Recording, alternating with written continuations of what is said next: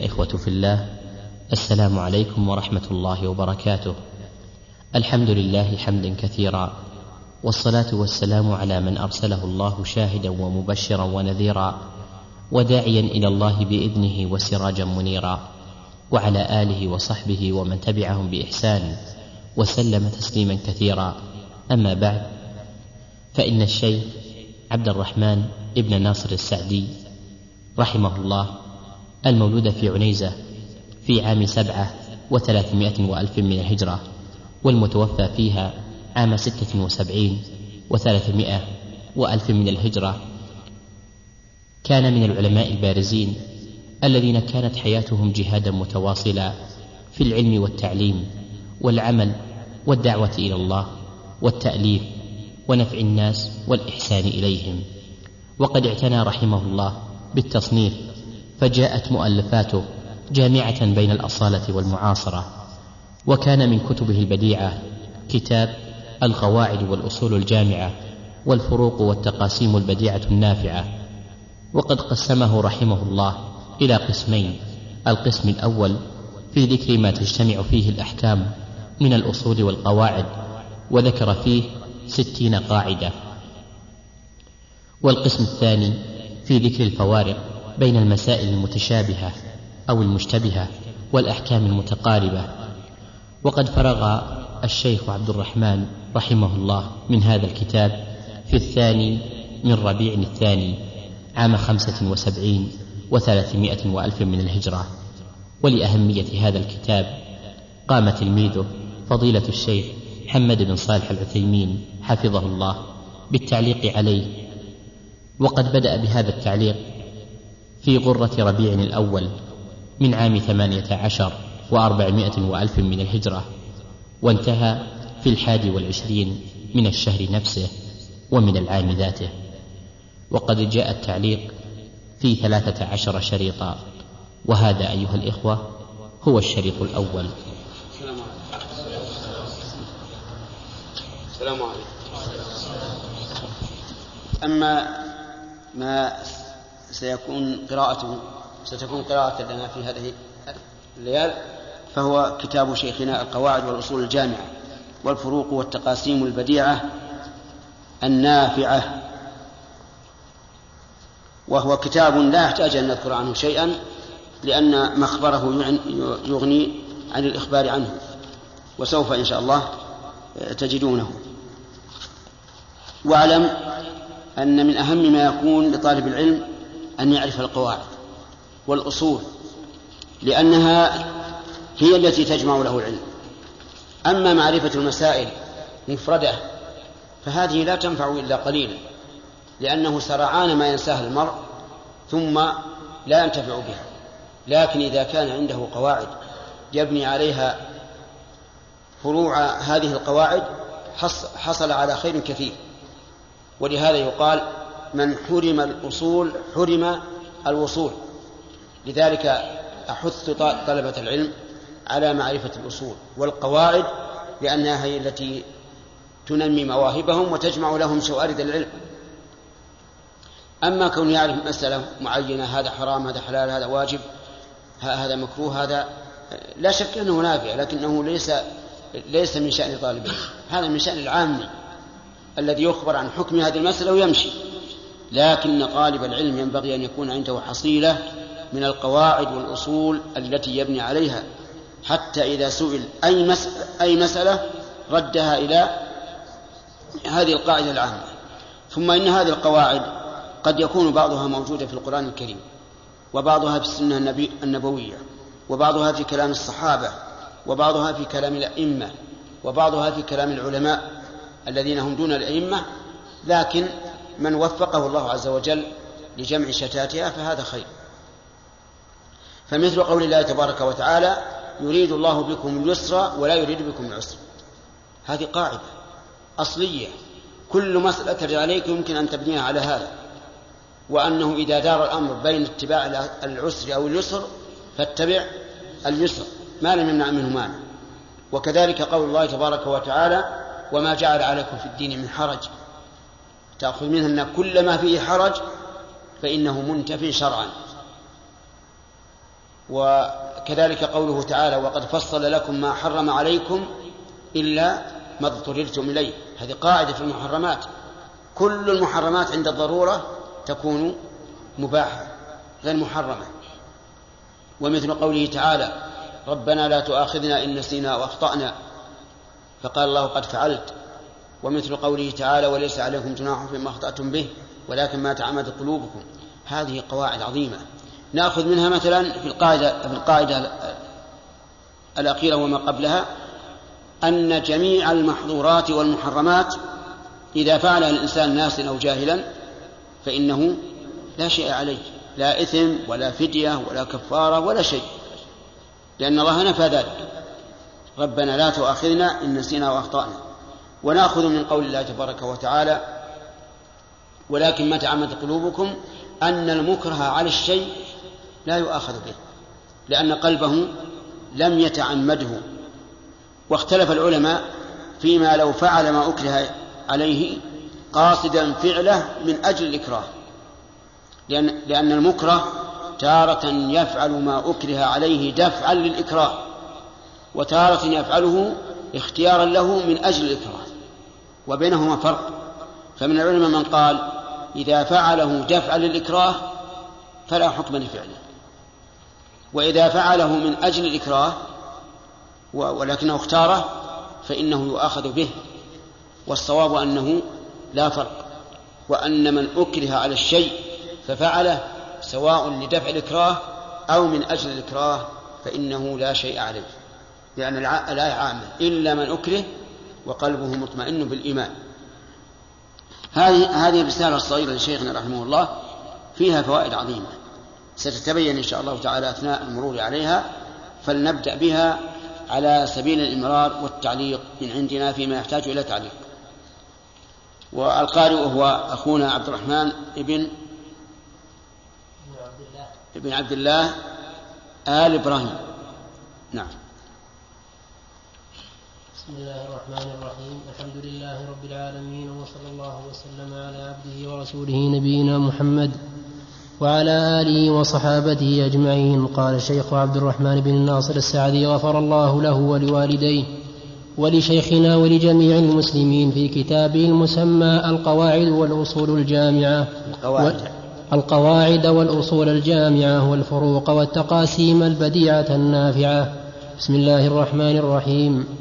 الحمد لله نحمده ونستعينه ونستغفره ونتوب إليه ونعوذ بالله من شرور أنفسنا وسيئات أعمالنا. من يهده الله فهو المهتد ومن يضلل فلا هادي له.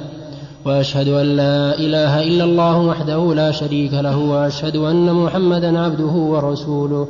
صلى الله عليه وعلى آله وأصحابه وسلم تسليما كثيرا.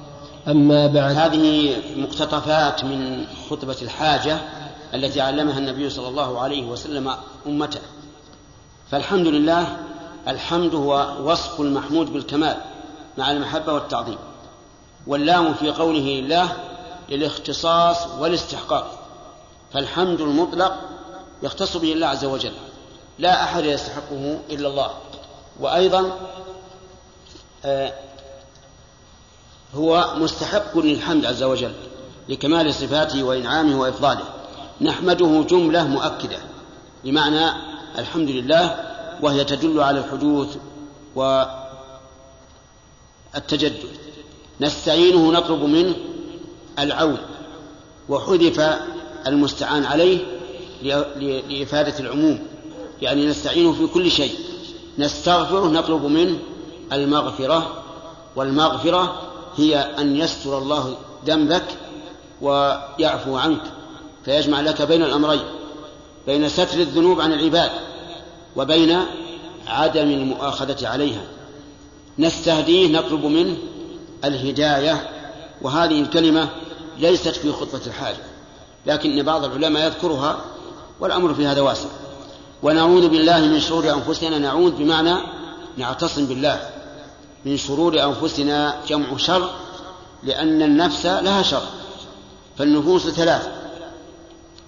نفوس شريرة تأمر بالشر وبالسوء ونفوس مطمئنة خيرة تأمر بالخير وتنهى عن الشر ونفوس لوامة وكلها موجودة في القرآن. قال الله تبارك وتعالى وما أبرئ نفسي إن النفس لأمارة بالسوء إلا ما رحم ربي. وقال تعالى يا أيتها النفس المطمئنة ارجعي إلى ربك. وقال تعالى لا أقسم بيوم القيامة ولا أقسم بالنفس اللوامة.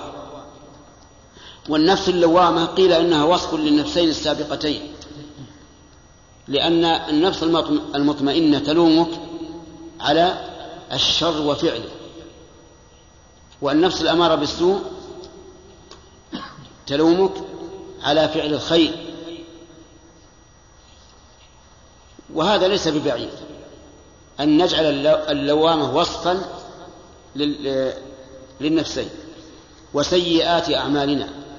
سيئات الأعمال ما يسوء العبد عقابه وجزاؤه. وهو كل معصية لله ورسوله. فهو عمل سيء. لأن لأنه يسوء الإنسان. واعلم أن للمعاصي آثارا على القلوب في انحرافها وزيغها والعياذ بالله وعلى الأخلاق وعلى الأعمال. استمع إلى قوله تعالى إلى قوله تعالى فلما زاغوا أزاغ الله قلوبهم لما زاغوا هذا عمل سيء أزاغ الله قلوبهم. فالأعمال آه، السيئة لها آثار وخيمة ولهذا يجب على الإنسان إذا صدر منه العمل السيء أن يبادر بالتوبة حتى لا تبقى هذه الجرثومة في قلبه فتؤثر عليه. من يهده الله فهو المهتد والحديث من يهده الله فلا مضل له وهو الأصوب. أحسن من هذا لأن من يهدي الله فهو المهتد قد يقول قال هذا هذا تحصيل حاصل لأن من يهدي الله فهو المهتد معلوم أنه من هداه الله فهو مهتدي لكنها المعنى فهو المهتدي يعني فهو الذي على الهداية حقا. كما قال تعالى في سورة الكهف من يهدي الله فهو المهتدي ومن يضلل فلن تجد له وليا مرشدا. لكن لفظ حديث الحاجة آه، فلا مضل له يعني من يقدر الله هدايته فلن يستطيع أحد أن يضله. ومن يضلل فلا هدي له. لا يستطيع أحد أن يهدي من أراد الله ضلاله. فها هو النبي عليه الصلاة والسلام. لم يستطع أن يهدي عمه مع أن عمه قد أحسن إليه ودافع دونه وأعلن صدقه لكنه نسأل الله العافية ختم له بسوء الخاتمة آخر ما قال أنه على ملة عبد المطلب وفي ذلك أنزل الله إنك لا تهدي من أحببت. هاتان الجملتان إذا كان من يهدي الله فلا مضل له ومن يضلل فلا هادي له. الجملة الأولى توجب للإنسان القوة إذا علم من نفسه الهداية وأنه لن يستطيع أحد من الخلق أن يضله. والثانية توجب للعبد الرجوع إلى الله تبارك وتعالى إذا رأى من نفسه ضلالا بأن يلجأ إلى من يهديه لا إلى غيره. نعم. أما بعد. قرأت الشاتين نعم. ها؟ وأشهد. نعم قرأت. وأشهد. نعم. وأشهد أن لا إله إلا الله وحده لا شريك له وأشهد أن محمدا عبده ورسوله صلى الله عليه وعلى آله وأصحابه وسلم تسليما كثيرا. أشهد أقر بقلبي وأعترف بلساني أن لا إله إلا الله إله بمعنى مألوه والمألوه هو المعبود حبا وتعظيما. أشهد أن لا إله إلا الله أي لا معبود حق إلا الله تبارك وتعالى. والشهادة هنا شهادة باللسان وشهادة بالقلب. لا تكفي الشهادة باللسان إلا ظاهرا في أحوال الدنيا. ولا تكفي الشهادة بالقلب بل لا بد من النطق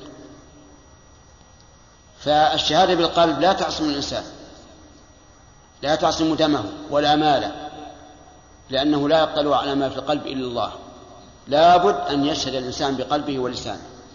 لا إله بمعنى إيش؟ مألوه أي معبود حبا وتعظيما إلا الله. وخبر لا نافية محذوف. تقديره حق.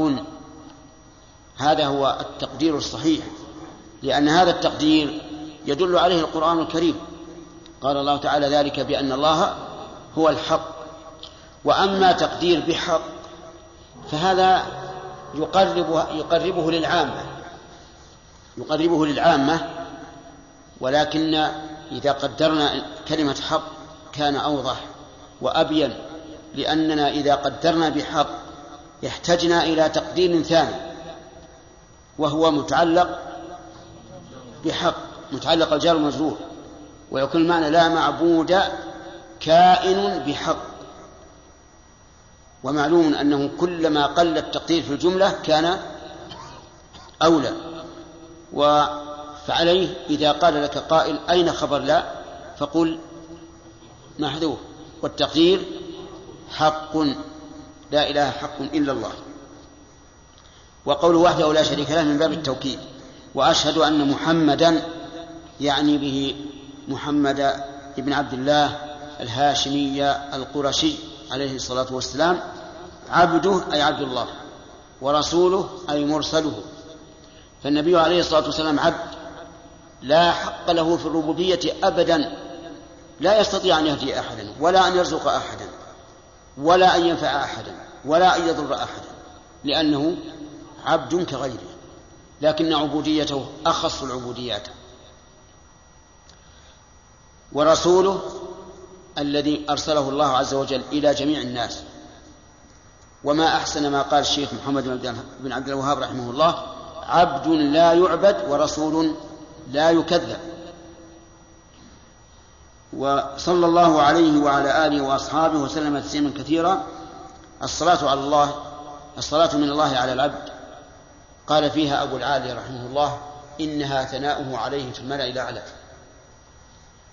وعلى آله أتباعه على دينه وأصحابه الذين صحبوه ومن خصائص النبي صلى الله عليه وعلى آله وسلم أن أصحابه هم, هم الذين اجتمعوا به مؤمنين به وماتوا على ذلك. يعني لو اجتمع الإنسان مر لحظة واحدة بالرسول عليه الصلاة والسلام وهو مؤمن به صار من أصحابه. لكن غيره لا تثبت الصحبة في حقه إلا بعد ملازمة طويلة.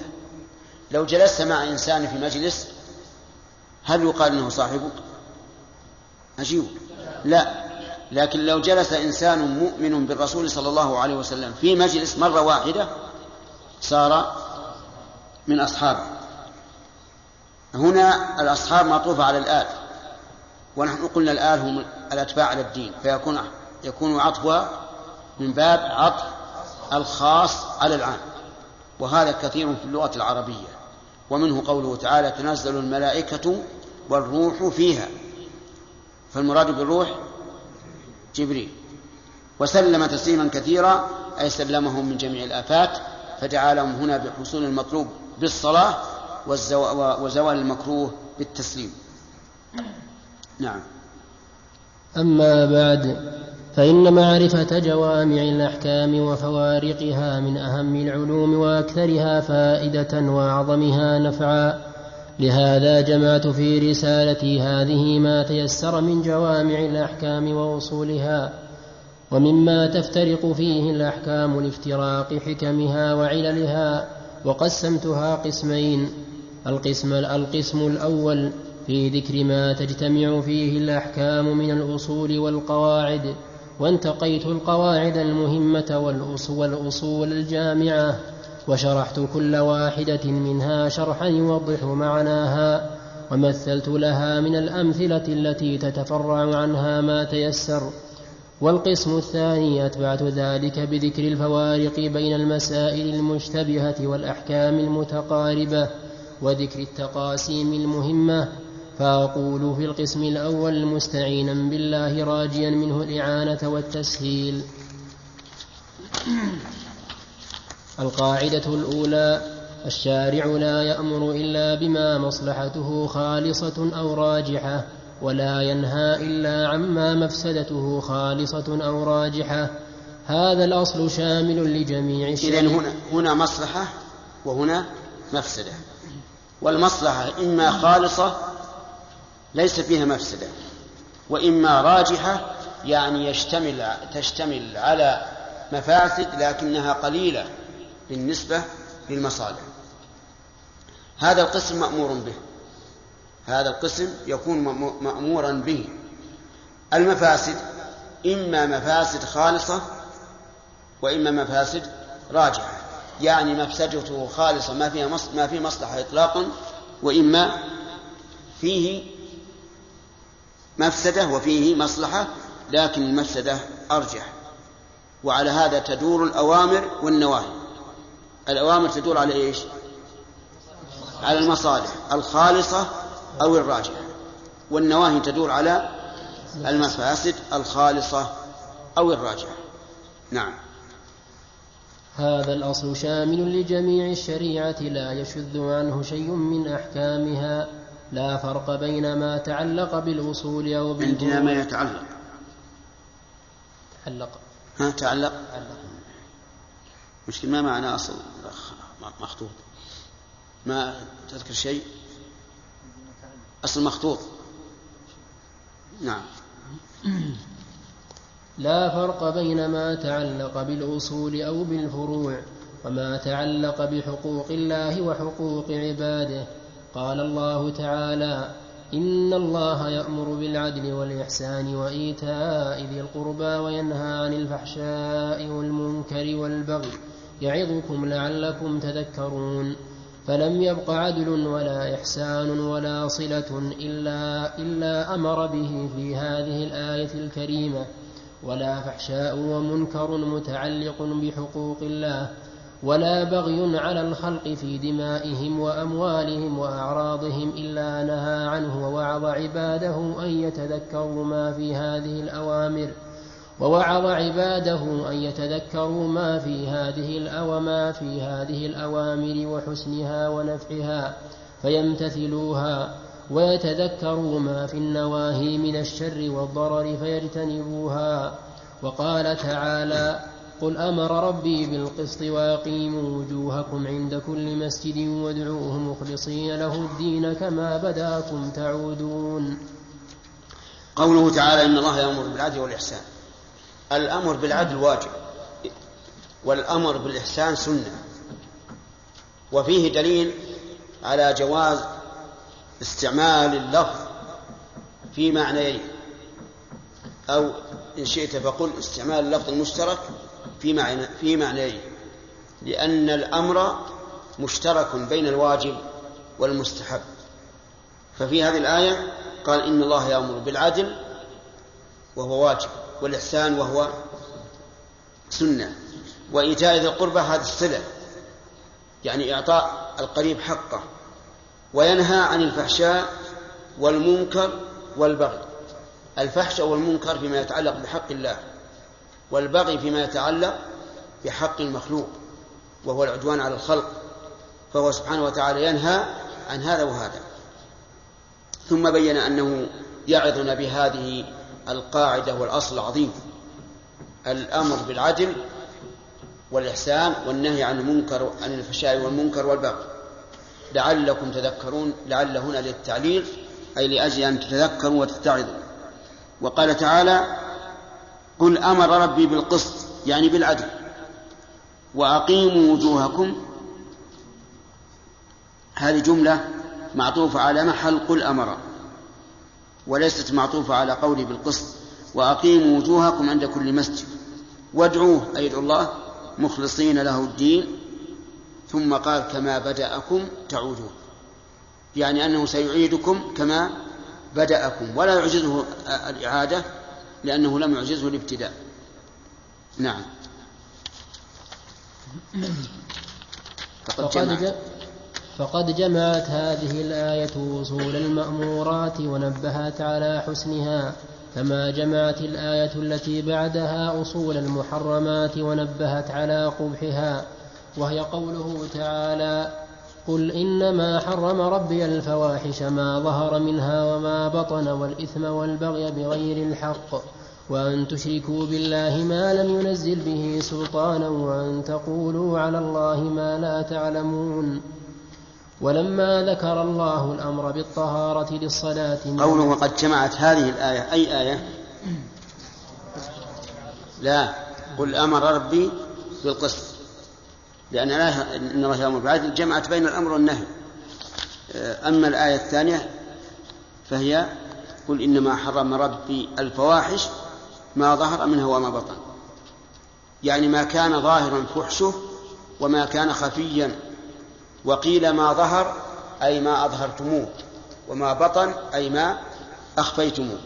وما دامت الآية تحتمل معنيين فلتكن شاملة لهما. لأن هذه قاعدة مهمة في التفسير وكذلك في الحديث. إذا كان النص محتملا لمعنيين على السواء ولا مرجح لأحدهما على الآخر وجب أن يحمل نعم ولا منافاة بينهما وجب أن يحمل عليهما. كل نص من القرآن والسنة إذا كان يحتمل معنيين لا مرجح لأحدهما على الآخر ولا منافاة بينهما فإنه يجب أن يحمل النص عليهما جميعا. إذا ما ظهر وما بطن؟ يكون معناها ما ظهر فحشه وما خفي ما أظهر وأعلن الناس وما أخفي عنهم والإثم والبغي بغير الحق. الإثم أي ما يكون به الإثم وهو العقاب. والبغي بغير الحق أي ما يكون به البغي على الناس والعدوان عليهم. وقوله بغير الحق وصف مبين للواقع لأنه ليس هناك بغي بحق. وأن تشركوا يعني وحرم عليكم أن تشركوا بالله ما لم ينزل به سلطانا. في أي نوع من الإشراك؟ في عبادته في ربوبيته في أسمائه وصفاته. وقوله ما لم ينزل به سلطانا وصف مبين للواقع لأن جميع الشرك ليس فيه سلطان أي دليل. وأن تقولوا على الله ما لا تعلمون. أن تقولوا على الله في ذاته أو أسمائه أو صفاته أو أحكامه ما لا تعلمون. أفهمتم؟ فمن قال إن الله كيفيته كذا وكذا فقد قال ما لم يعلم. ومن قال إن أسماء الله تبارك وتعالى لا تدل على المعاني وإنما هي أعلام مجردة فقد قال ما لم يعلم. ومن قال في صفاته إنه لا يثبت منها إلا كذا وكذا والباقي يجب أن ينفى فقد قال على الله ما لم يعلم. ومن, ومن قال هذا حلال وهذا حرام ولم يكن فيه دليل فقد قال على الله ما لم يعلم. المهم أن القول على الله يتضمن القول عليه في ذاته وأسمائه وصفاته وأحكامه. هذه الآية هل هي من باب الترقي أو من باب التدلي؟ بمعنى هل أعظم ما فيها ما ذكر أولا؟ أولا فأولا أو إن من, من أقل ما فيها ما ذكر أولا فأولا. الظاهر الثاني لأن الشرك لو كان المراد ذكر الأعلى لكان يذكر الشرك هو الأول لكنه من باب ذكر الأدنى فالأدنى. إذن وأن تقولوا على الله ما لا تعلمون أعظم من الشرك ووجهه أن الشرك تصرف في فعل العبد وأما القول على الله بما لا يعلم فهو تصرف في حق الله. وثانيا أن القول على الله بلا علم أعظم تأثيرا في الغير من الشرك بالله لأن المشرك ضرره على نفسه لكن الذي يقول الله ما لا يعلم ضرره على نفسه وعلى غيره فضرره متعدي. ولهذا صرح ابن القيم رحمه الله أن القول على الله بلا علم أشد من الإشراك بالله. نعم. ولما ذكر الله الأمر بالطهارة للصلاة من الحدث الأكبر والأصغر وذكر طهارة الماء ثم طهارة ثم طهارة التيمم عند العدم أو الضرر بمرض ونحوه. قال تعالى ما يريد الله ليجعل عليكم من حرج ولكن يريد ليطهركم وليتم نعمته عليكم لعلكم تشكرون فأخبر أن أوامره وشرائعه من أكبر نعمه العاجلة المتصلة بالنعم الآجلة. ثم تأمل ثم تأمل قوله تعالى وقضى ربك ألا تعبدوا إلا إياه وبالوالدين إحسانا إلى قوله ذلك مما أوحى إليك ربك من الحكمة وقوله قل تعالوا أتل ما حرم ربكم عليكم إلى قوله وأن هذا صراطي مستقيما فاتبعوه ولا تتبعوا السبل فتفرق بكم عن سبيله. وقوله واعبدوا الله ولا تشركوا به شيئا إلى قوله ومن يكن الشيطان له قرينا فساء قرينا. انظر إلى هذه الآيات لو ذهبنا نتكلم عليها لطال بنا الوقت لكن أتكلم على قوله وقضى ربك ألا تعبدوا إلا إياه. هل القضاء هنا قضاء كوني أو قضاء شرعي؟ هذا قضاء شرعي. لأنه لو كان قضاء كونيا لعبده الناس كلهم ولكنه قضاء شرعي يعني أنه عز وجل كتب علينا ألا نعبد إلا الله. وهذا ربما يفعله بعض الناس ولا يفعله الآخرون.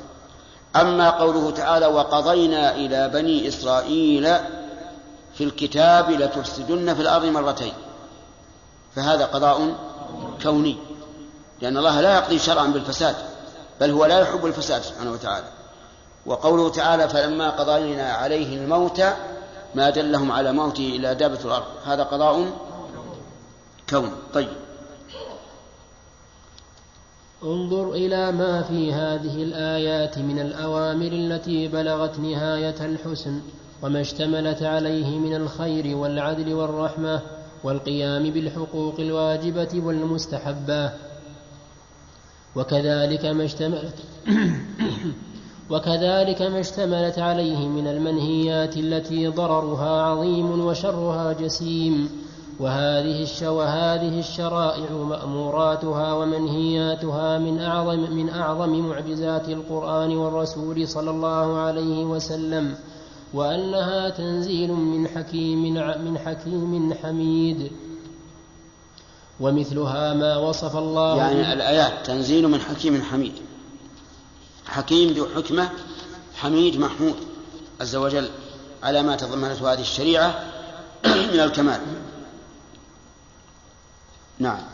ومثلها ما وصف الله به خواص العباد وفضلاءهم في قوله تعالى وعباد الرحمن الذين يمشون على الأرض هونا إلى قوله أولئك يجزون الغرفة بما صبروا ويلقون فيها تحية وسلاما وقوله قد أفلح المؤمنون ثم عدد أوصافهم الجليلة ثم قال في جزائهم أولئك هم الوارثون الذين يرثون الفردوس هم فيها خالدون اللهم اجعلنا منهم. وقوله إن المسلمين والمسلمات إلى قوله أعد الله لهم مغفرة وأجرا عظيما فكل ما في هذه الآيات من الأوصاف التي وصف الله بها خيار الخلق قد علم حسنها وكمالها ومنافعها العظيمة ومن أحسن من الله حكما لقوم يوقنون وجميع ما في الشريعة من العبادات والمعاملات والأمر بأداء الحقوق المتنوعة تفاصيل وتفاريع لما ذكر الله في هذه. الآيات. تفاصيل وتفاريع بدون تنوين. نعم. والأمر بأداء الحقوق المتنوعة تفاصيل تفاصيل وتفاريع لما ذكر الله في هذه الآيات. وجميع ما فصله العلماء من, من وجميع ما فصله العلماء من مصالح المأمورات ومنافعها ومضار المنهيات ومفاسدها داخل في هذا الأصل. ولهذا يعلل الفقهاء الأحكام المأمور بها بالمصالح والمنهي عنها بالمفاسد. وأحد الأصول الأربعة القياس وهو الميزان الذي تبنى عليه الأحكام الشرعية الذي قال الله فيه الله الذي أنزل الكتاب بالحق والميزان وهو الجمع بين المسائل المتماثلة في عندي نزل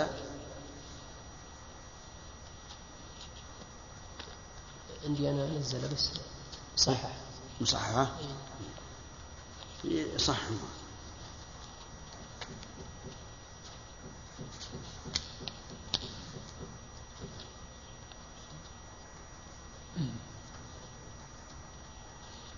نعم. وهو الجمع بين المسائل المتماثلة في مصالحها أو في مضارها أو في مضارها بحكم واحد والتفريق بين المتباينات المختلفات بأحكام مختلفة مناسبة مناسبة لكل واحد منها.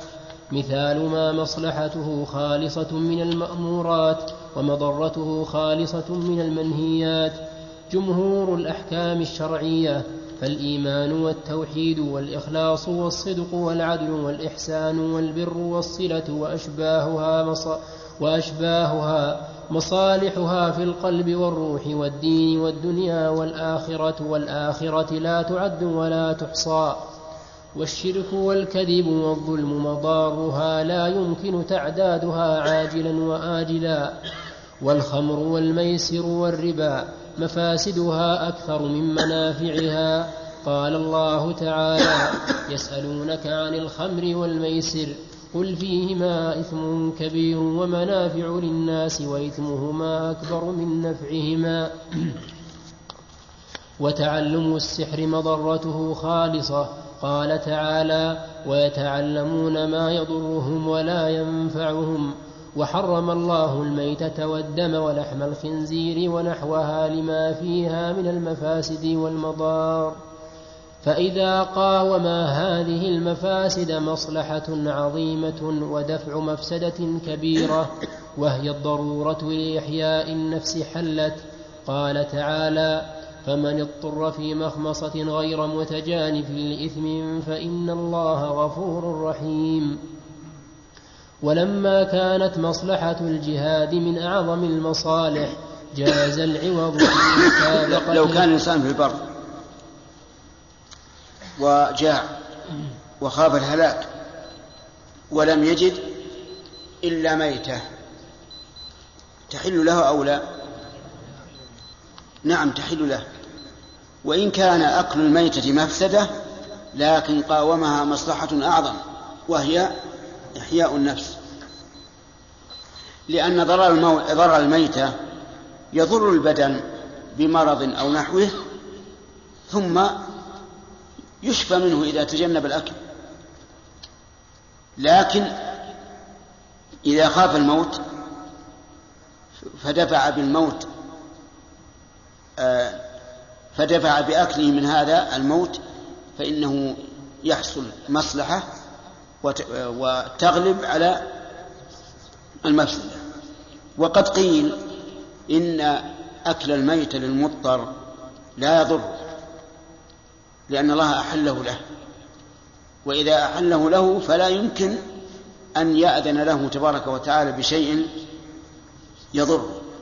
وهذا تعليل شرعي واضح وهو أيضا تعليل طبي لأن المائدة تكون مشتاقة غاية الاشتياق للأكل لخلوها منه فتقبل هذا الأكل على ما فيه وتهضمه وتفرزه ويخرج ويسلم الإنسان منه. فصار أكل الماء فصار أكل الميتة للمضطر لا ضرر فيه من وجهين وجه شرعي ووجه طبي. الوجه الشرعي ما هو؟ أنه أن الله أحله ولم يكن الله تعالى ليأذن لعبده بتناول شيء ضار له. الثاني آه، الطبي أن النفس تكون مشتاقة إليه غاية الاشتياق فتهضمه بسرعة ولا تتأثر بمضرته.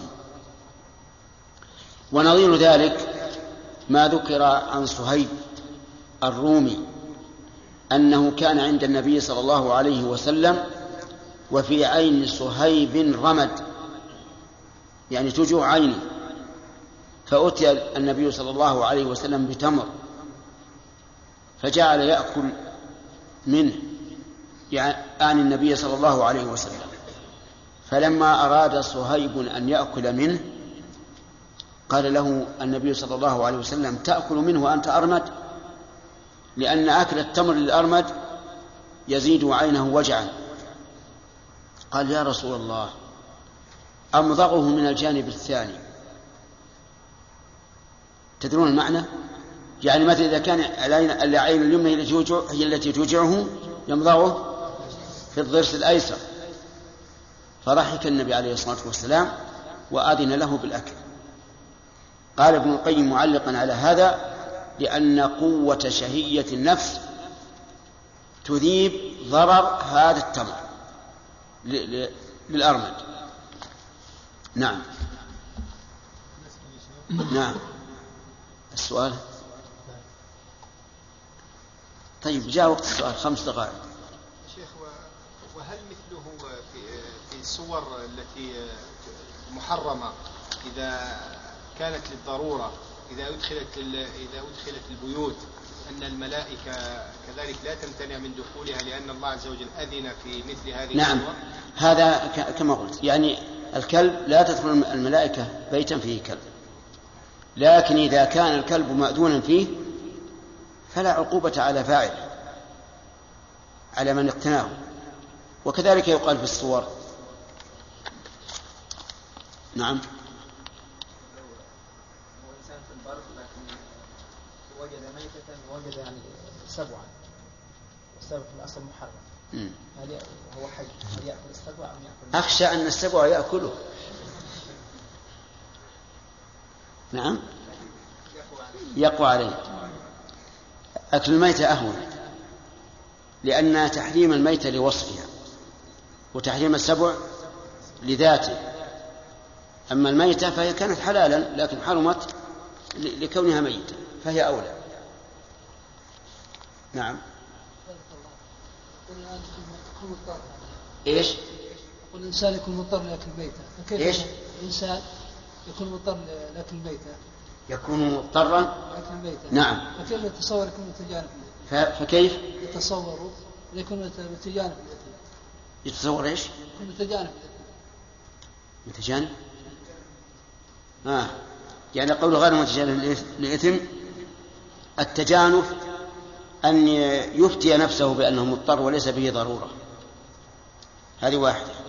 أو يأكل أكثر مما تندفع به ضرورته مع أنه سوف يجد الطعام الحلال قريبا. فهذا متجانف للإثم. لأنه في الأول تساهل في في وسط الضرورة. الثاني زاد على قدر الضرورة. فيكون متجانفا للإثم. نعم. نعم. شيخ عليه لماذا سمي صاحب النبي صلى الله عليه وعلى وسلم؟ لماذا؟ لماذا سمي صاحب النبي صلى الله عليه وعلى آله وسلم صحابيا وغيره سمي صاحبا؟ نعم. لا لا. حتى يقال صاحب أيضا الصحابي يقال صاحب وصحابي. كله جائز. نعم. هل يؤكل لحم الكافر في حال الضرورة؟ أي نعم. لحم الكافر والمسلم أيضا إذا كان إذا كان قد مات. يعني لو وجد حي رجلا ميتا واضطر إلى أكله فالصحيح أن أكله جائز. لأنه داخل في عموم قوله تعالى وقد حرم عليكم نعم وقد فصل لكم ما حرم عليكم إلا ما اضطررتم إليه. أما إذا كان حيا فإن كان معصوما فإنه لا يجوز له أن يقتله أو يذبحه ليأكله. وأما إذا كان غير معصوم فله أن يذبحه ويأكله. فهمت الآن؟ أجب طيب. يعني لو كان رجل معه كافر معصوم بذمة أو عهد أو أمان واضطر إلى الآكل ولكن والكافر معه حي. لا لا يحل له أن يذبحه ليأكله لأنه معصوم. لكن لو كان لو وجد حربيا ليس له عهد ولا أمان ولا ذمة فإن له أن يأكله يذبحه ويأكله. نعم. ها؟ خمسة إيش؟ لا خمس دقائق إلى الأذان.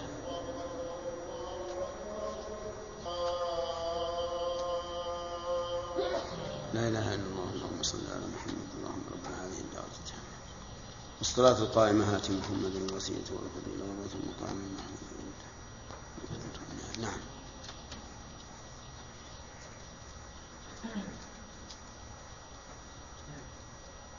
ولما كانت مصلحة الجهاد من أعظم المصالح جاز جاز العوض. صح. أنا عندي من أعظم المباح.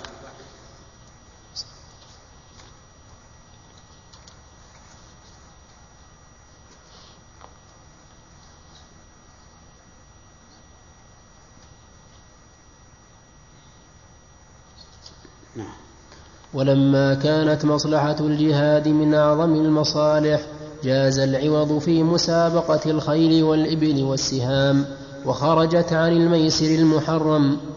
ويستدل بهذا الأصل العظيم والقاعدة الشرعية على أن علوم الكون التي تسمى العلوم العصرية وأعمالها وأنواع المخترعات النافعة للناس في أمور دينهم ودنياهم أنها داخلة فيما أمر الله به ورسوله ومما يحبه الله ورسوله ومن نعم الله على العباد لما فيها من المنافع الضرورية والكمالية.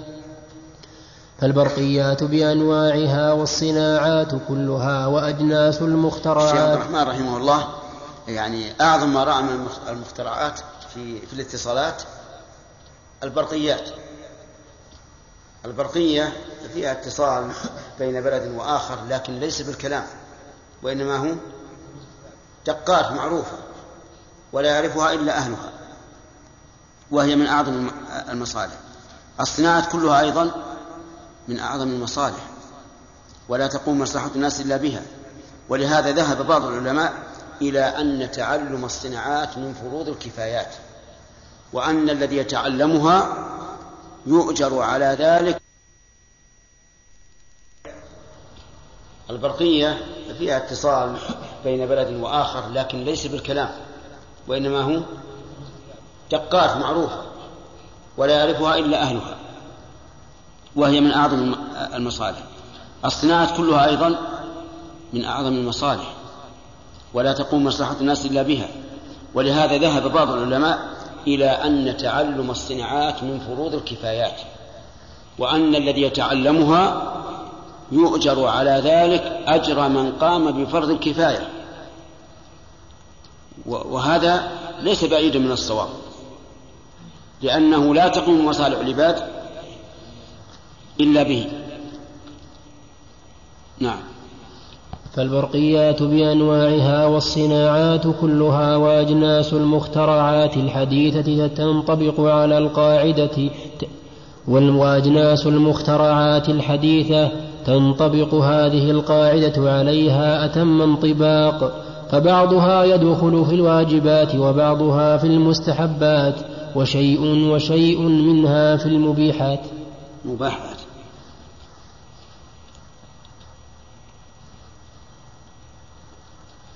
وشيء منها في المباحات بحسب نفعها وما تثمره وينتج عنها من الأعمال والمصالح كما أنها أيضا تدخل في كما أنها أيضا تدخل في هذا الأصل الشرعي وهو القاعدة يجب علينا أن نقول هل نفهم هذه القاعدة أن الشريعة إنما تأمر بما مصلحته خالصة أو أو راجحة وإنما تنهى عما مفسدته راجحة؟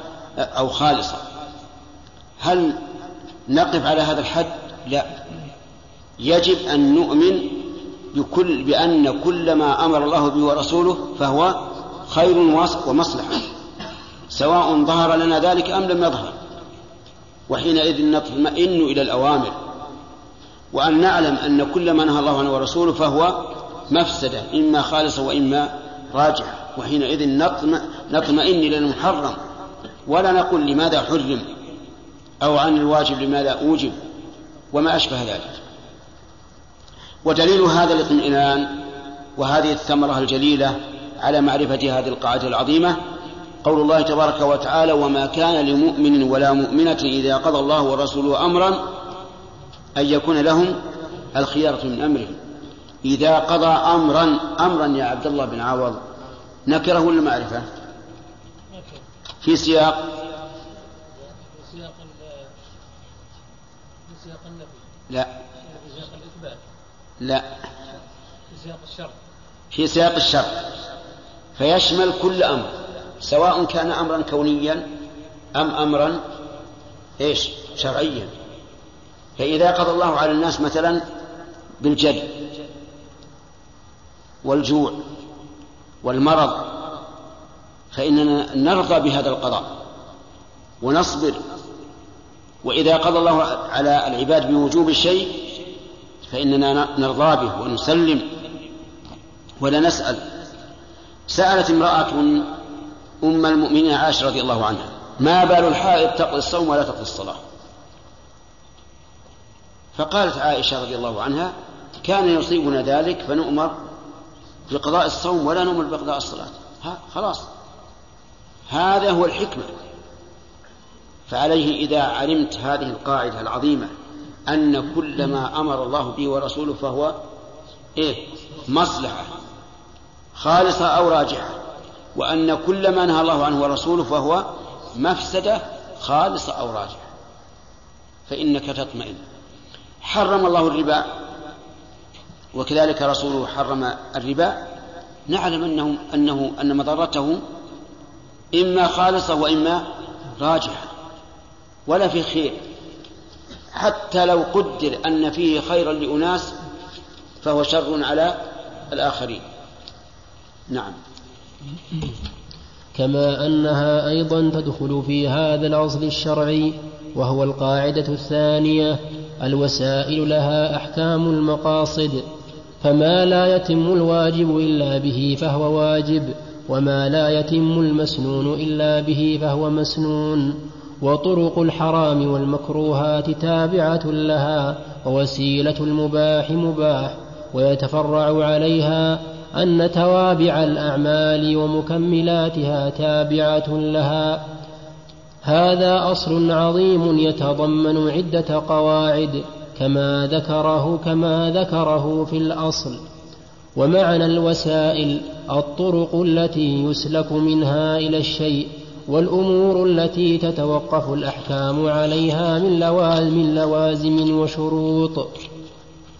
فإذا أمر الله ورسوله بشيء كان أمرا به وبما لا يتم إلا به وكان أمرا بالإتيان بجميع شروطه الشرعية والعادية والمعنوية والحسية فإن الذي شرع الأحكام عليم حكيم يعلم ما يترتب على ما حكم به على عباده من لوازم وشروط ومتممات. وشروط ف... متممات. عندكم الواو؟ ومتممات. أحسن.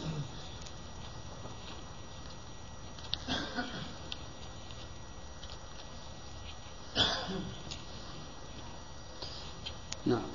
فالأمر بالشيء أمر به وبما لا يتم إلا به والنهي عن الشيء نهي عنه وعن كل ما يؤدي إليه. فالذهاب والمشي إلى الصلاة ومجالس الذكر وصلة نعم. فالذهاب والمشي إلى الصلاة ومجالس ومجالس الذكر وصلة وصلة الرحم. صلة وصلة الرحم وعيادة المرضى واتباع الجنائز. وغير ذلك من العبادات داخلة في العبادة وكذلك الخروج إلى الحج والعمرة والجهاد في سبيل الله من من حين يخرج من حين يخرج ويذهب من محله إلى أن يرجع إلى مقره وهو في عبادة. لأنها وسائل أنها وسائل للعبادة ومتممات لها. قال تعالى ذلك بأنهم لا يصيبهم ظمأ ولا نصب ولا مخمصة في سبيل الله ولا يطؤون موطئا يغيظ الكفار ولا ينالون من عدو نيلا إلا كتب لهم به عمل صالح إن الله لا يضيع أجر المحسنين ولا ينفقون نفقة صغيرة ولا كبيرة ولا يقطعون واديا إلا كتب لهم ليجزيهم الله أحسن ما كانوا يعملون. وفي الحديث الصحيح من سلك طريقا يلتمس فيه علما سلك الله به طريقا إلى الجنة. وقد تكاثرت الأحاديث الصحيحة في ثواب المشي إلى الصلوات وأن كل خطوة يخطوها تكتب له حسنة وت... نعم. تكتب له حسنة وتمحى عنه سيئة. وفسر قوله تعالى إنا نحن نحيي الموتى ونكتب ما قدموا وآثارهم. أي نقل خطاهم وأي نقل خطاه أي نقل خطاهم وأع... أي نقل خطاهم وأعمالهم للعبادات أو لضدها وكما أن نقل الأقدام للعبادات تابع لها فنقل الأقدام إلى المعاصي تابع لها ومعصية أن قوله ونكتب ما قدموا وآثارهم أي ما يبقى بعد الموت من صدقة جارية وعلم ينتفع به وما أشبه ذلك. لأن قوله ما قدموا أي قبل موتهم وآثارهم ما كان بعد موتهم. وأما الآثار للعبادات والشبهات فلها أدلة أخرى. نعم. فنقل الأقدام إلى المعاصي تابع لها ومعصية أخرى فالأمر بالصلاة مثلا أمر بها وبما لا تتم الصلاة إلا بها من الطهارة والسترة واستقبال القبلة وبقية شروطها. وكذلك وكذلك أمر بتعلم أحكامها التي لا تتم إلا به وكذلك بقية العبادات فما لا يتم الواجب فقوله تعالى أقيموا الصلاة يتطلب منا أن نعلم إيش؟ أحكام الصلاة كيفيتها شروطها واجباتها وهكذا. لأن الأمر بالشيء أمر به وبما لا يتم إلا به. نعم. فما لا يتم الواجب والمسنون إلا به فهو واجب للواجب ومسنون للمسنون ومن فروع هذا الأصل قول العلماء إذا دخل الوقت على عادم الماء لزمه طلبه في المواضع التي يرجو حصوله فيها لأن ما لا يتم الواجب إلا به فهو واجب ويلزمه أيضا شراؤه وشراء السترة الواجبة بثمن المثل أو زيادة لا تضر ومن فروع هذا الأصل نعم هذا الذي ذكره رحمه الله صحيح. إذا دخل الماء على على إذا دخل الوقت على إنسان وليس عنده ماء يجب عليه أن يطلبه فيما حوله.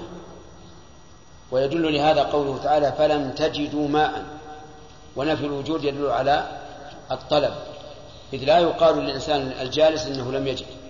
وبناء على ذلك لو كان الإنسان يعلم أن هذه الأرض ليس فيها ماء ليس فيها آبار ولم يكن هناك أمطار فإنه لازمه الطلب. إذ أن طلبه في هذه الحال إيش؟ عبث وتعب لا فائدة منه. كذلك أيضا آه شراء شراء. يقول الشيخ رحمه الله شراءه وشراء السترة الواجبة بثمن المثل أو زيادة لا تضر. وهذا هو القول الصحيح. أن العبرة بما زاد عن ثمن المثل أن لا يتضرر به. فإن تضرر به لم يلزمه. خلافا لمن قال إذا زاد عن ثمن المثل لم يلزمه الشراء. يعني مثلا إنسان ليس عنده ماء. لكن وجد شخصا يبيع الماء الإناء يباع في العادة في مثل هذا المكان يباع بنصف ريال. فقال أبيع عليك بريال. على على قول من يقول إن الزيادة على ثمن المثل تسقط وجوب استعمال الماء لا يلزمه أن يشتري.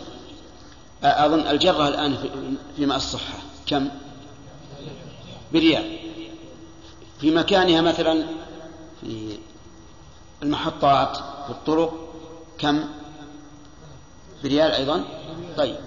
لو قال صاحب المكان أنا لا أبيع عليك إلا بريالين فعلى قول من يقول إن الزيادة عن ثمن المثل تسقط وجوب استعمال الماء لا يلزمه الشراء لأن هذا زائد عن ثمن المثل. وعلى القول الثاني وهو الصحيح أنه ما دامت الزيادة لا تجحف بماله ولا تضره والرجل معه دراهم كثيرة فإنه يجب عليه أن يشتريها ولو بأضعاف أضعاف الثمن.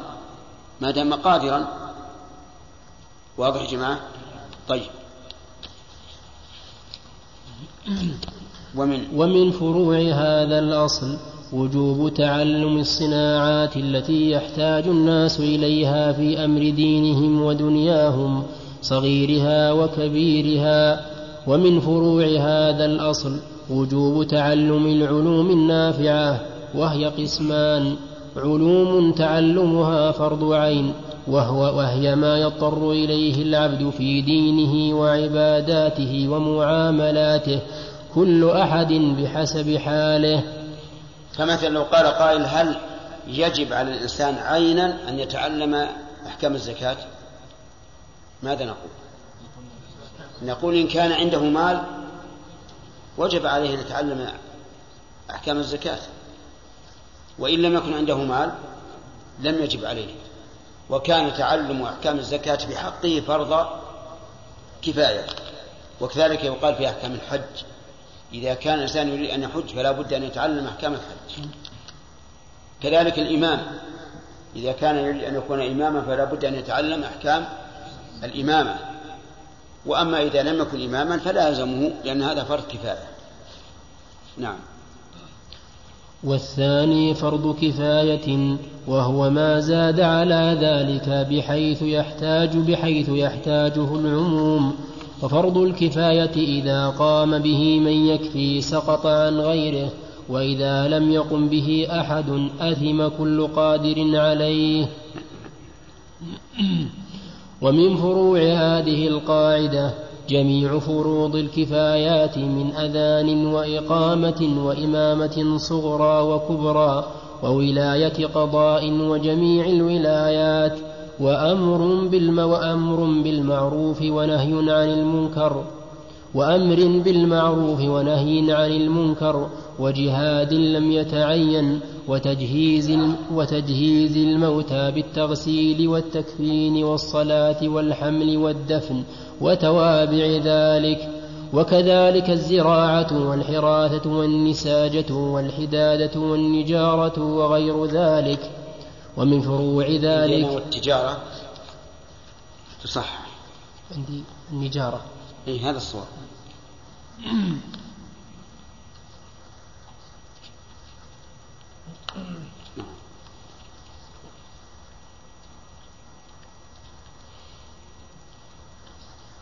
ومن, ومن فروع ذلك السعي في الكسب الذي يقيم به العبد ما عليه من واجبات النفس والأهل والأولاد والمماليك من الآدميين. والمماليك من الآدميين والبهائم وما يوفي به ديونه. فإن هذه واجبات ولا تقوم إلا بطلب الرزق والسعي فيه ومن فروعها وجوب تعلم أدلة القبلة والوقت. أما بالنسبة لواجبات النفس فلا شك أنه أنها واجب. السعي لإنقاذ النفس واجب. ولكن للإنفاق على الغير فيه نظر لأنه لا يجب الإنفاق على الغير إلا إذا كان إلا إذا كان غنيا. وقد قال العلماء ما لا يتم الوجوب إلا به فليس بواجب. أما إنقاذ نفسه فواجب. فإذا لم يتم ذلك إلا بالسعي وطلب الرزق وجب عليه. نعم لو رأى شخصا مضطرا فحينئذ يكون طلب الرزق له إيش؟ واجبا لوجوب الإنقاذ عليه. نعم. ومن فروعها وجوب تعلم أدلة القبلة والوقت والجهات لمن يحتاج إليها. ومن فروعها أن ال...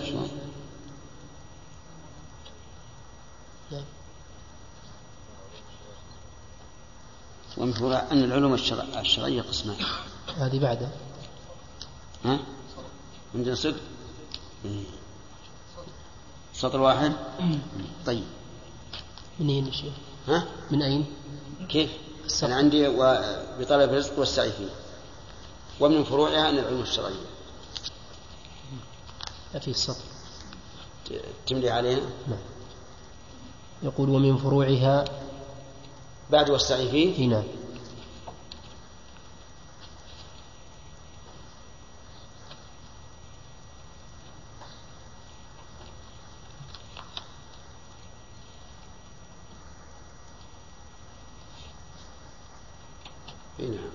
وجوب تعلم أدلة القبلة.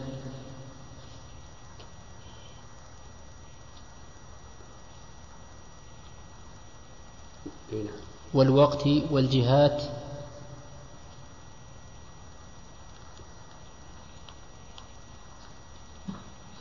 والوقت والجهات. والجهات. لمن يحتاج إليها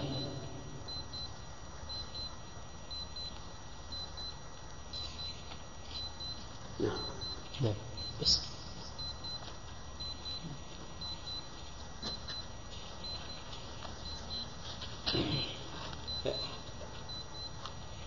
قول لمن يحتاج إليها. أما من لا يحتاج إلى ذلك كإنسان لم يحضره وقت الصلاة فإنه لا يلزمه أن يتعلم أدلة القبلة. لكن إذا حضرت الصلاة لابد أن يتعلم أدلة القبلة. نعم. من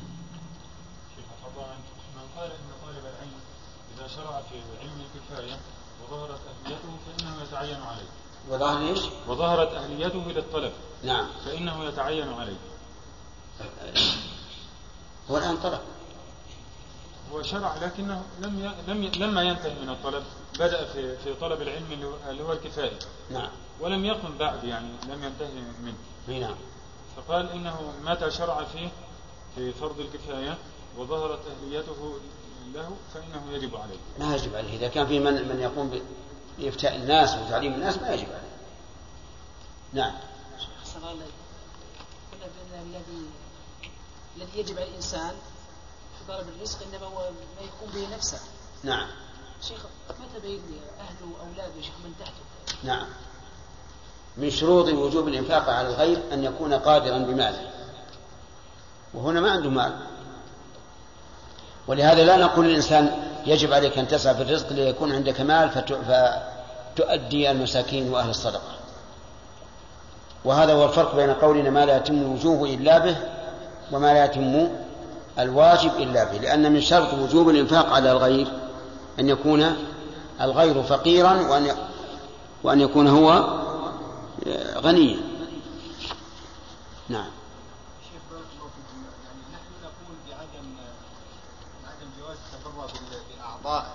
آه، المتبرع حتى لو مات يعني بعد موته. نعم. ومع ذلك آه، أبحنا لل لل للمسلم أن يأكل لحم الميت.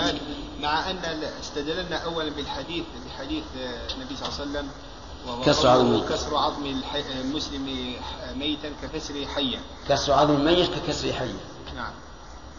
نعم. فكيف يعني في الأول لم نجز التبرع وفي ال- وفي الثاني أجزنا نعم. آه، التبرع بالأعضاء مفسدة واضحة. ونجاحها غير واضح. فليس فلا تزول به الضرورة. لكن الأكل تزول به الضرورة. هذا هو الفرق. نعم. رجل مصاب في ظهره وإذا أراد الوضوء يستطيع أن يغسل يديه ووجهه لكن رجليه الشيخ ما يستطيع أن يغسلها فهل يتجاوز؟ يعني الرجل يستطيع في الوضوء أن يغسل جميع أعضائه إلا إلا الرجلين. إيه. هذه مسألة اختلف فيها العلماء. فمنهم من قال إنه لا يتيمم لأن التيمم إنما هو عن الأعضاء كلها. والصحيح أنه يتيمم إذا عجز عن استعمال الماء, الماء في بعض الأعضاء فإنه يتيمم لعموم قول الله تعالى فاتقوا الله ما استطعتم. وقول النبي صلى الله عليه وسلم ما نهجكم عنه فاجتنبوه وما أمرتكم به فأتوا منه ما استطعتم. فهذا الرجل يستطيع أن يتوضأ الآن بأعضائه ما عدا الرجلين فيجب عليه أن يستعمل الماء في هذه الأعضاء.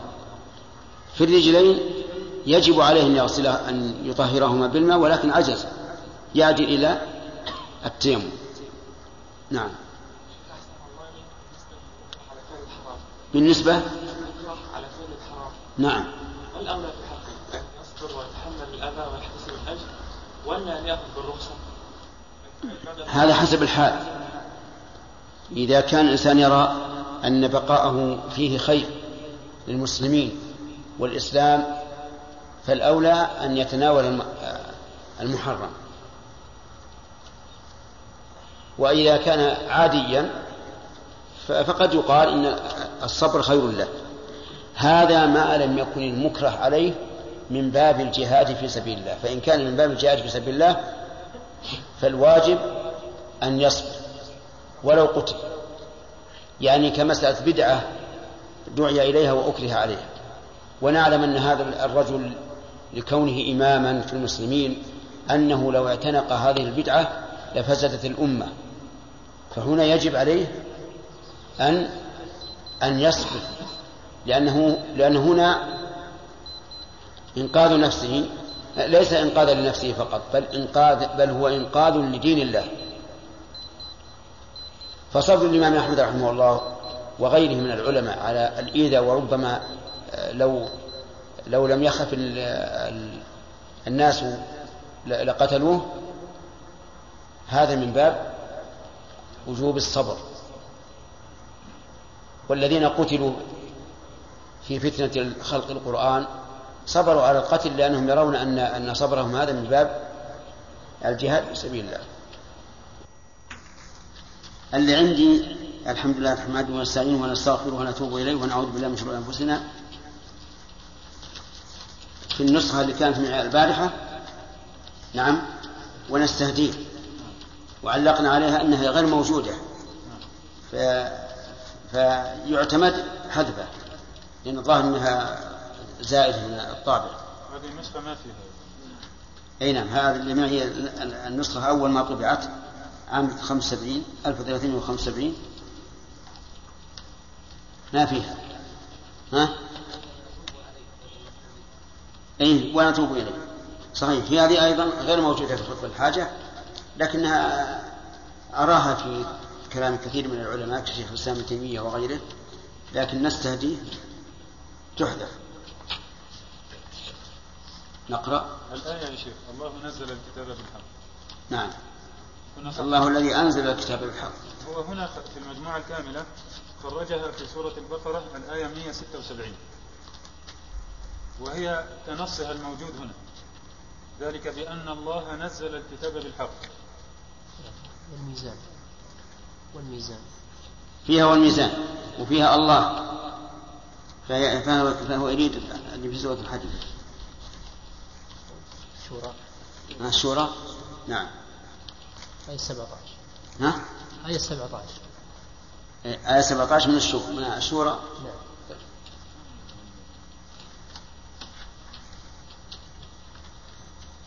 نقرأ. بسم الله الرحمن الرحيم. صف. صفحة كم؟ 14 نعم. بسم الله الرحمن الرحيم. الحمد لله رب العالمين وصلى الله وسلم على عبده ورسوله نبينا محمد وعلى آله وصحابته أجمعين. قال شيخ عبد الرحمن بن ناصر السعدي رحمه الله تعالى في كتابه المسمى القواعد والأصول الجامعة في أثناء القاعدة الثانية ومن فروعها أن العلوم الشرعية قسمان. أحدهما مقاصد وهي علم الكتاب والسنة والثاني وسائل إليها مثل علوم العربية بأنواعها فإن معرفة الكتاب والسنة وعلومهما تتوقف أو وعلومه- أكثرها. وعلومه وعلومهما؟ نعم. يصلح. طيب. تتوقف أو يتوقف أكثرها على معرفة علوم العربية ولا تتم معرفتهما إلا بها فيكون الاشتغال بعلوم العربية لهذا الغرض تابعا للعلوم الشرعية ومن فروعها أن كل مباح توسل به إلى ترك واجب أو فعل محرم فهو محرم. قال الله تعالى يا أيها الذين هنا ينبغي أن نقول بدل توسل به كان وسيلة لأن الإنسان قد يشتغل عن الواجب من غير أن يقصد أنه أن هذا الذي اشتغل به وسيلة. وأظن لعل هذا مراد الشيخ رحمه الله. توسل أي صار وسيلة. وإن لم يقصد ذلك.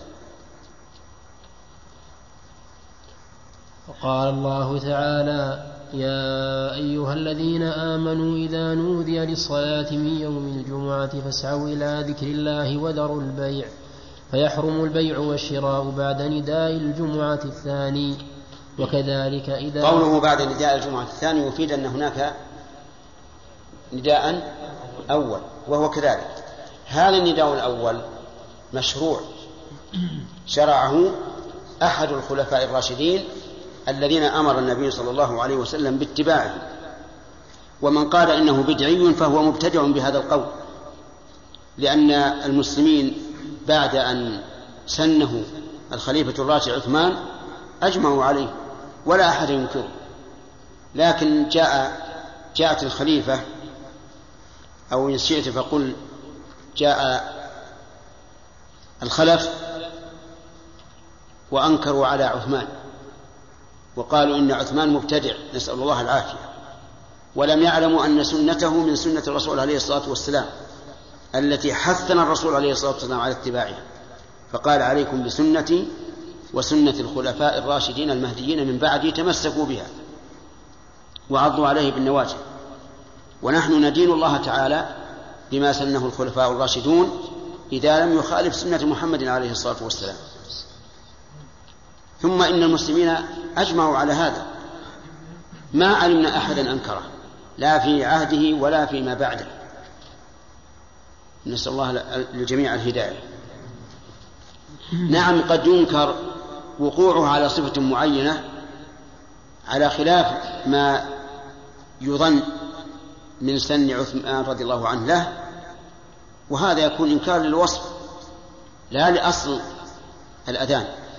فأصل الأذان لا شك أن من قال إنه بدعة أنه هو المبتدع لأنه خالف سنة المسلمين. نعم. وكذلك إذا خيف فوت الوقت أو فوت الجماعة وكذلك لا يحل بيع الأشياء المباحة لمن يعمل فيها معصية كبيع العصير على من يتقي. فيها هنا بمعنى بها. نعم. أي لمن يعمل معصية بسببها. وفي تأتي بمعنى الباء كثيرا مثل قوله دخلت النار امرأة في هرة أي بسببها. نعم. كبيع العصير على من يتخذه خمرا وبيع السلاح في الفتنة أو لأهل الحرب أو قطاع الطريق وبيع البيض ونحوه لمن يقامر عليه. ومن فروعه تحريم الحيل التي يتوسل بها إلى بيع البيض. لمن يقامر. هل معنى المقامرة هنا؟ أن يأكله بقشره؟ نعم ربما يكون لكنه ليس هذا. يقولون إن من المقامرة عليه أن البيضة إذا آه، رصها الإنسان بالطول فإنها لا يمكن أن تنكسر مهما كانت قوة الإنسان. فيقامرون عليه من كسرها فله كذا ومن لم يكسرها فعليه كذا. نعم. ومن فروعه تحريم الحيل التي يتوسل بها إلى فعل محرم كالحيل على قلب الدين. عندكم من فروعه؟ ومن فروعه. فروعه؟ نعم.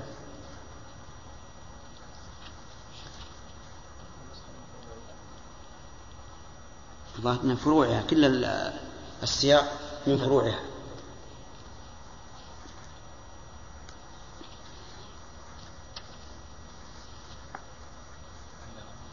ها؟ فروعها.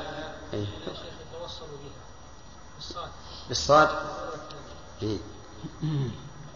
كل إيش؟ أن كل مباح يتوصل توصل توصل به. توصل بها هي السين والصاد مت-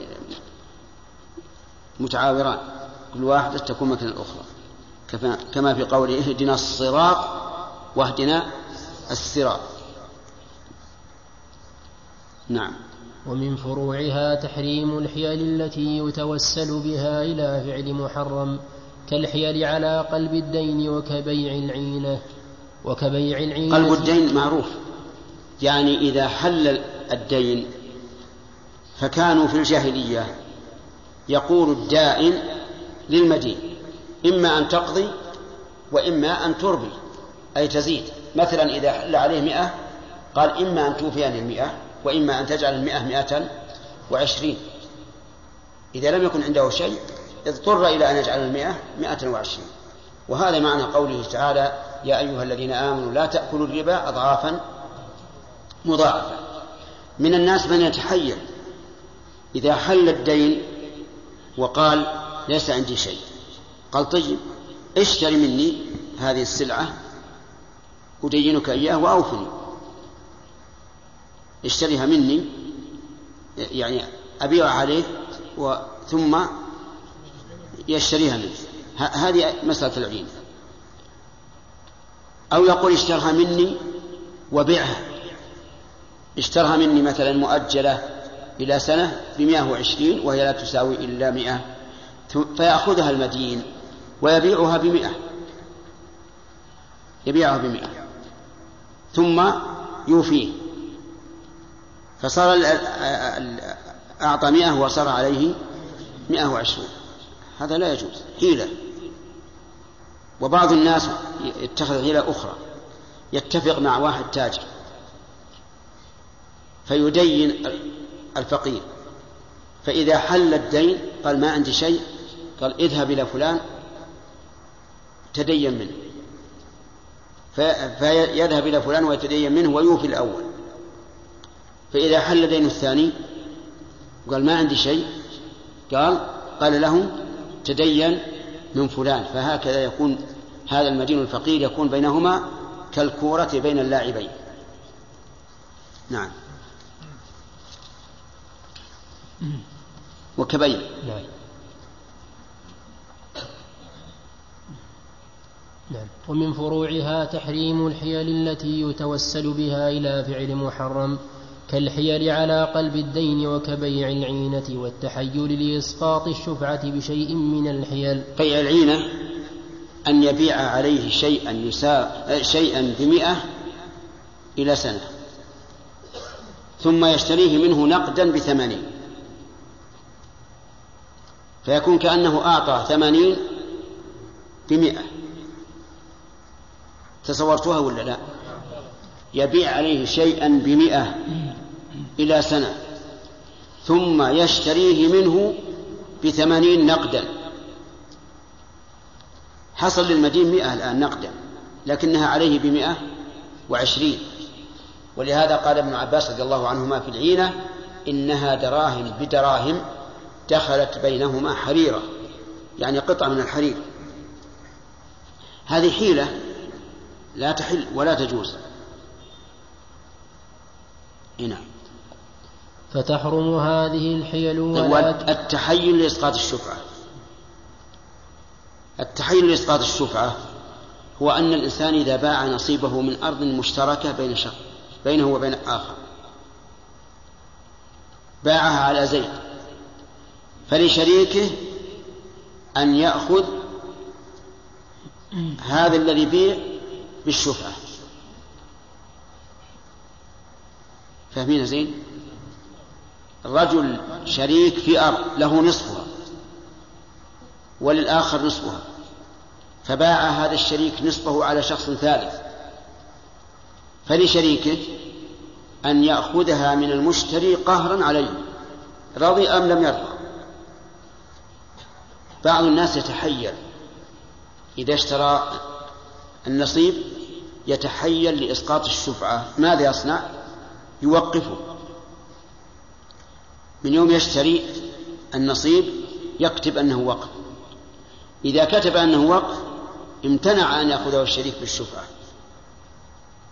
لأنه الآن انتقل من ملكه لأن الوقف إذا وقف انتقل عن ملك الإنسان واضح يا جماعة؟ هذه حيلة. حيلة أخرى أن يهبه لابنه مثلا. فهنا انتقل بغير عوض. وإذا انتقل بغير عوض فلا شفعة. فيتحيل ويهبه لابنه. المهم أن كل حيلة يتحيل بها الإنسان لإسقاط واجب فإنها لا تعتبر ولا ولا يعمل بها وهي باطلة. نعم. فتحرم هذه الحيل ولا تفيد صاحبها حل المحرم والتحليل في النكاح. لكنها تزيده. إيش؟ تزيده إثما. يعني الذي يأتي الربا صراحة أهون إثما من الذي يتحيل عليه. فيأتي بصورة عقد حلال وهو حيلة على الربا. ولهذا كان المنافقون أشد إثما من الكافرين الصرحاء لأنهم يخادعون. نعم. ولا تفيد صاحبها حل المحرم والتحليل في النكاح. يعني هنا نلحق بها بل بل ت... لا لا على أنها أصل يعني قصدي على أنها شرح بل تزيد الحرام إثما لأنها اشتملت على مفسدة الحرام وعلى الحيلة والخداع. نعم. ومن فروعها قتل الموصى له للموصي وقتل الوارث لمورثه لا والتحليل في النكاح. نعم. والتحليل في النكاح. ومن فروع تعرفون التحليل في النكاح؟ يعني أن هل معناه هل معناه أن يعقد على امرأة لتحل له؟ ها؟ لا. لا.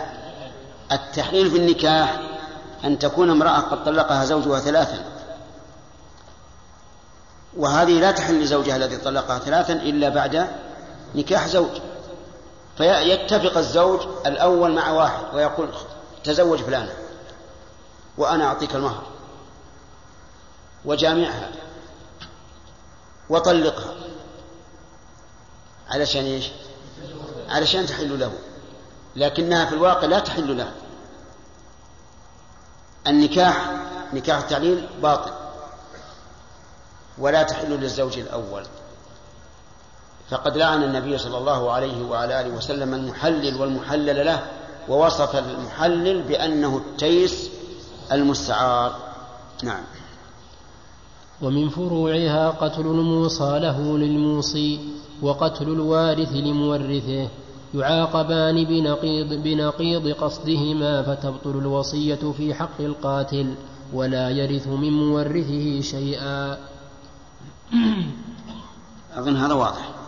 إنسان أوصى لشخص بثلث ماله له قال إذا مت فأعطوا فلانا ثلث مالي الموصى له فقير والموصي غني.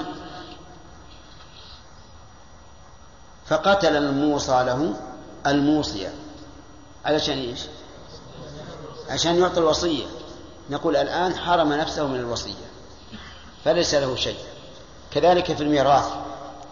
ابن عم له ابن عم غني وهو فقير.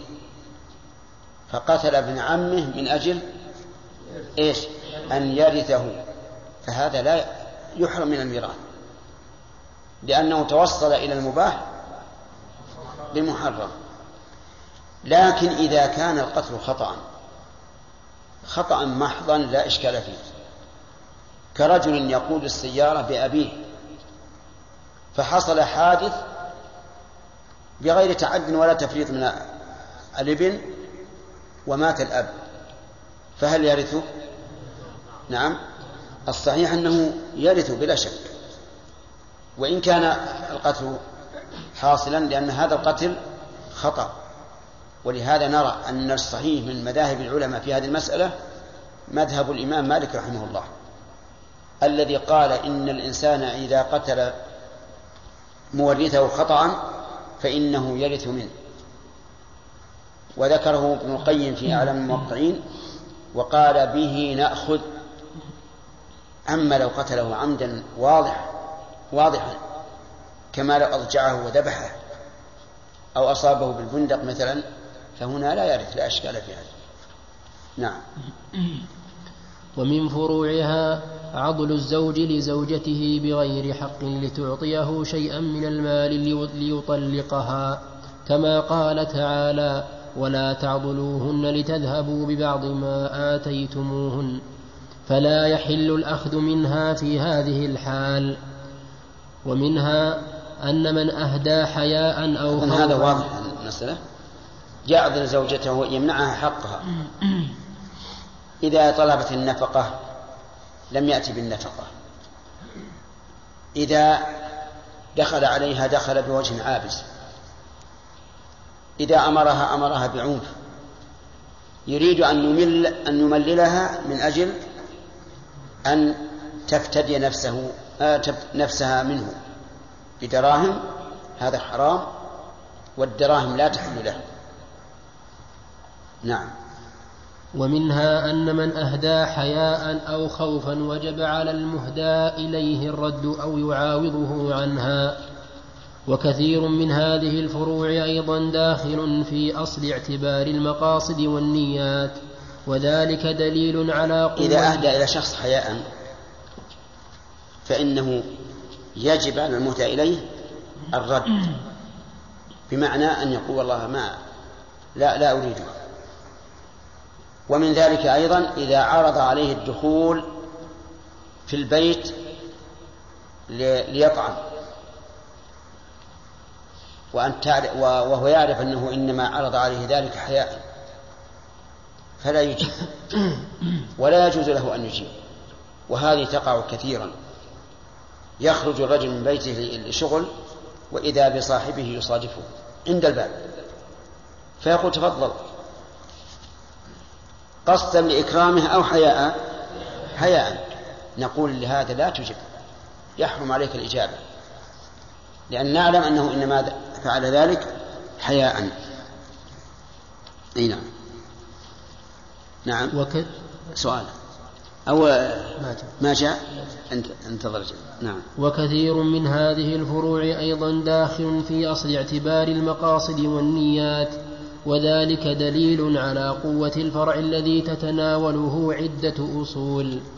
وكما أن الحيل التي يقصد التي يقصد بها التوسل إلى فعل محرم أو ترك واجب حرام فالحيل التي يتوسل بها إلى استخراج الحقوق مباحة بل مأمور بها.